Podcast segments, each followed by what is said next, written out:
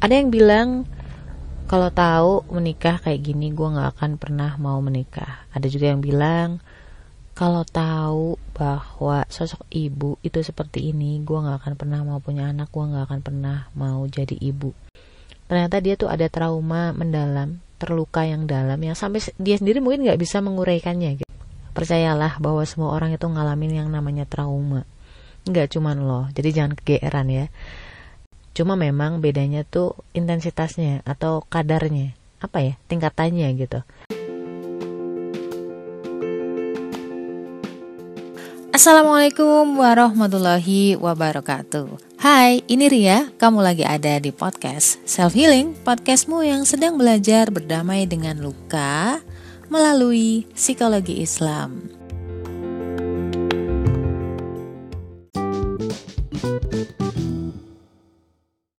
Kalau dari istilahnya, trauma sebenarnya adalah benturan. Kalau di fisik itu ada ya, kayak trauma, kebentur, kejedot gitu-gitu yang bahkan ada yang sampai lebam, ada yang enggak. Ada tekanan di daging loh, daging loh di tubuh lo. Di jiwa pun sama. Awalnya lo itu ngerasa dipus, tertekan, ditekan gitu ya. Lo nggak terima nih, marah gitu kan, deny anger tapi kamu nggak bisa ngomongnya gitu. Atau bisa ngomongnya tapi yang dikasih tahu nggak terima. Akhirnya kamu memilih untuk diam menyimpannya sendiri dan itu tahu nggak sih itu tuh jadi dendam loh kalau misalkan itu masih luka. Walaupun mungkin secara alam sadar loh kamu bilang bahwa ya udahlah emang orangnya kayak gitu ya udah deh kayak gitu gitulah tapi sebenarnya itu belum ikhlas lo belum ridho dan itu lu simpen bertahun-tahun semakin menumpuk semakin menumpuk sampai masuk ke alam bawah sadar kamu. Misalkan seorang istri deh uh, dia melakukan yang menurut suami itu salah gitu.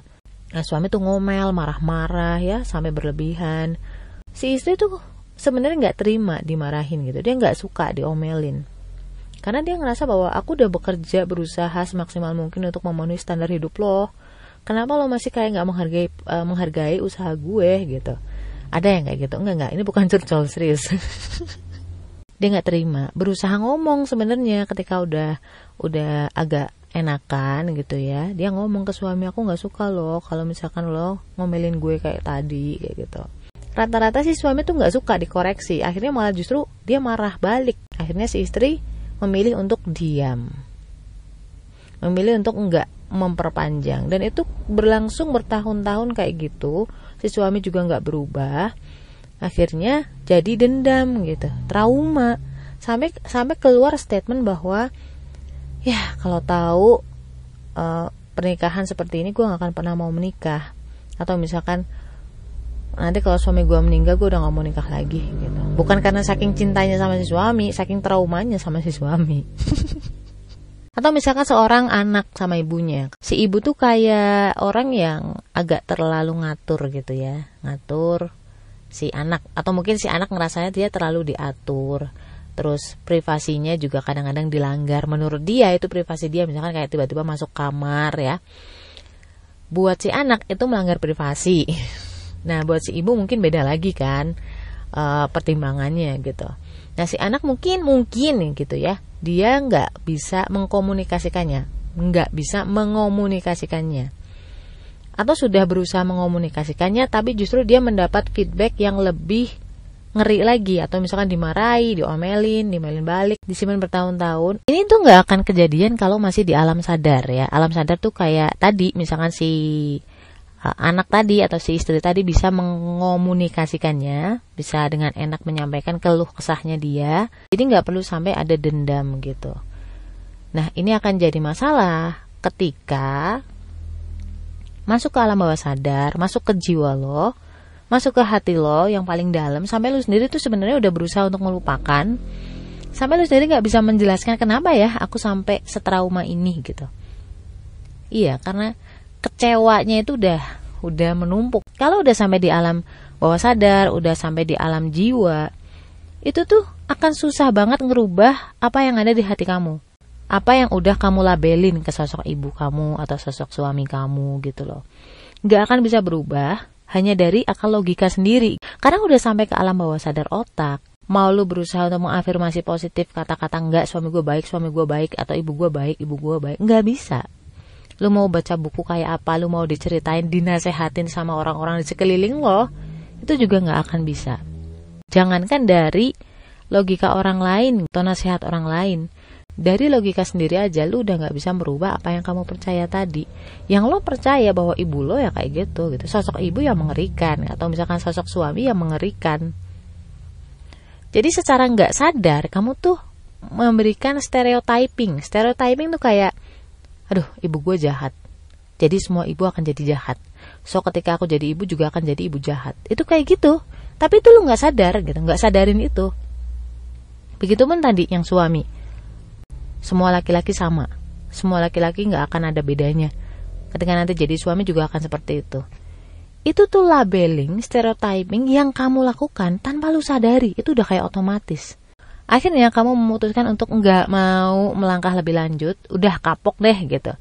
Walaupun secara sadar ketika lu ketemu dengan ibu kamu atau suami kamu lu bisa cengangas-cengenges biasa aja. Sebenarnya sederhana sih obatnya. Ketika lu kecewa, ketika lu mungkin anger, marah, denial gitu ya, masih suka nyala-nyalain orang kita paham dulu gitu ketika kita memahami posisi orang lain kita mungkin nggak akan jadi marah kita mungkin nggak akan menolak kita memahami bahwa oh iya ya ternyata dia butuh ini oh iya ya ternyata dia pengennya aku begini.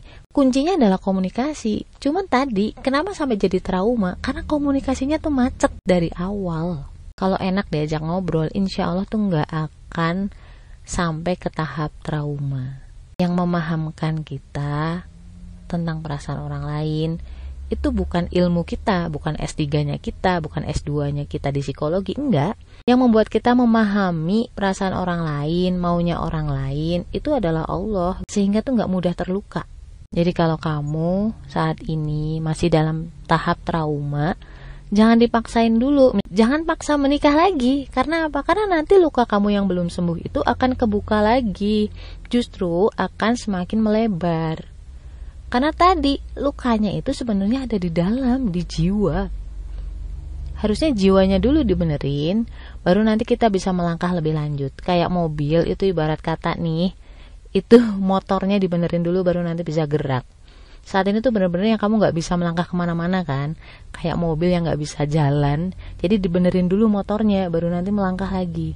Jangan dipaksa untuk jalan, percuma Nah sekarang pertanyaannya adalah kalau jiwa kita atau alam bawah sadar kita yang sudah terluka, agak rusak gitu, rusak apa ya istilahnya, agak terluka, kita datangnya ke siapa sih?